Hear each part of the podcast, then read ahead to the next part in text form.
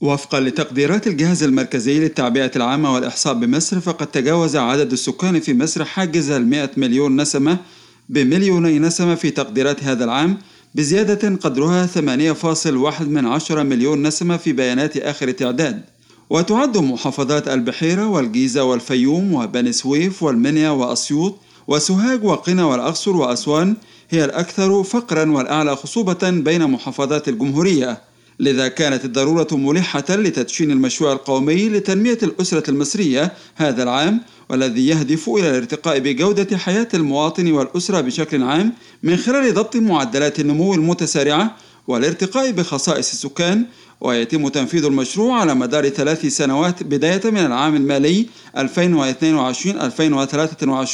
وبتعاون بين الحكومة ومؤسسات المجتمع المدني كما تقول الأستاذة عبير متولي مقررة فرع المجلس القومي للسكان بمحافظة الوادي الجديد. هنلاقي إنه في عندنا انخفاض في معدل البطالة وانخفاض في معدل الاميه بين الإناث وانخفاض في معدل البطالة بين الإناث.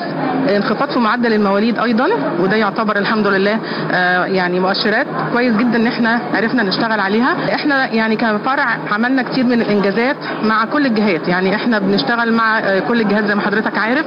في على مستوى مثلا التعليم عملنا حملة تعليم مستمر. عشان التسرب من التعليم واللي حاليا يمكن آخر 11 اسم طلعنا لهم إعانات أسرية شهرية للأسر المتسربين.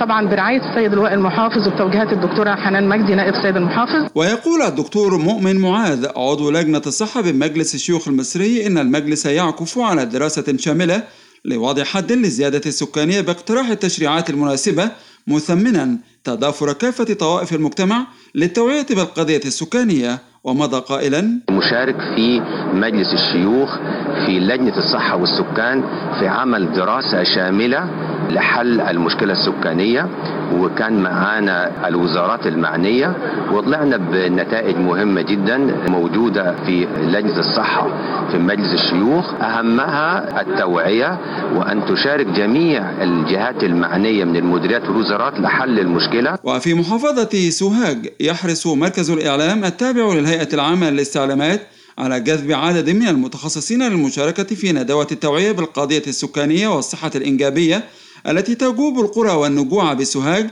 كما تقول الأستاذة إيمان علي.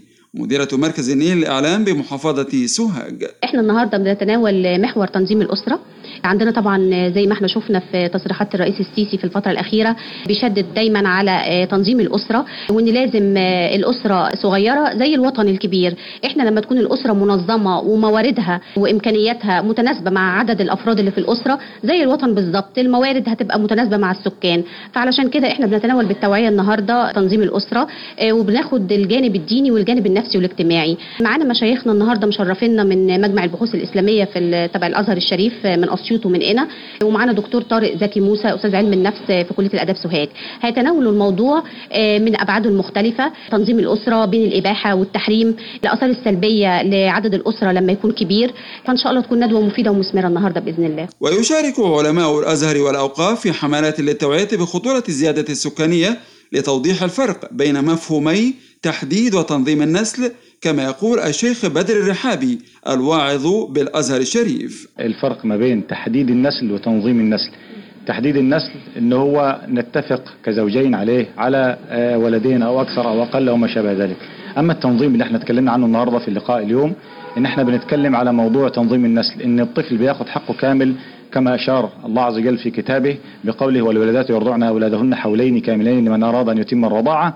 فتكلمنا من خلال هذه الآية المباركة أن الله سبحانه وتعالى شرع للإنسان أن يتم الرضاعة لمن أراد أن يتمها وأن يأخذ الصغير حقه في ذلك وأن هناك بونا شاسعا ما بين تنظيم النسل وتحديد النسل. فكانت هذه من أهم النقاط التي تكلمنا عنها بأن نفرق ما بين تحديد النسل وتنظيم النسل في شريعة الإسلام. ويشيد الدكتور لؤي شبانة المدير الإقليمي لصندوق الأمم المتحدة للسكان في منطقة الدول العربية يشيد برؤية مصر من خلال المشروع القومي لتنمية الأسرة المصرية بالنظر للاستراتيجية السكانية من منظور التنمية الشاملة المستدامة مشيرا إلى أن الصندوق يقدم لمصر الدعم الفني والمادي اللازمين لإنجاح ذلك المشروع ومضى الدكتور لؤي شبانة قائلا في الحقيقة مصر لأول مرة ربما أو على الأقل في حد علمي أنا لأول مرة هي تقوم بالنظر إلى موضوع الاستراتيجية السكانية من منظور التنمية المستدامة الشاملة. وبالتالي نحن لا نركز فقط على التوعية بتقليل عدد المواليد وإنما نقوم بتمكين المرأة نقوم بالاستثمار بالفتاة نقوم بالاستثمار بالتعليم نقوم بربط كل ما له علاقة بالمسألة السكانية بالتنمية الشاملة صندوق متحد للسكان بشكل عام هو شريك للحكومات في البرامج المتعلقة بالسكان. في حالة مصر عندنا مكتب من أكبر مكاتبنا في المنطقة العربية هو مكتب جمهورية مصر العربية. هذا المكتب بدعم من المكتب الإقليمي وأيضا من المركز الرئيسي في نيويورك. إحنا مستعدين دائما للدخول بشراكات مع آه، كل الهياكل المصرية المعنية بالتنمية السكانية. عملنا بيتلخص بتقديم مساعدات مالية تقديم مساعدات فنية تسهيل شراكات ما بين جمهورية مصر العربية والطواقم الفنية لتدريبها على أحدث ما توصلت إليه الدول فيما يتعلق بالسياسات السكانية والنماذج لتطوير السياسة السكانية وتحقيق الأهداف المصرية. يشارك صندوق الأمم المتحدة للسكان الحكومة المصرية لتنفيذ أهداف المشروع القومي لتنمية الأسرة المصرية من خلال عدة محاور منها محور التمكين الاقتصادي للأسرة والمحور الثقافي والتوعوي والتعليمي لتحقيق أهداف التنمية المستدامة ورؤية مصر لعام 2030 خالد عبد الوهاب لأخبار الأمم المتحدة.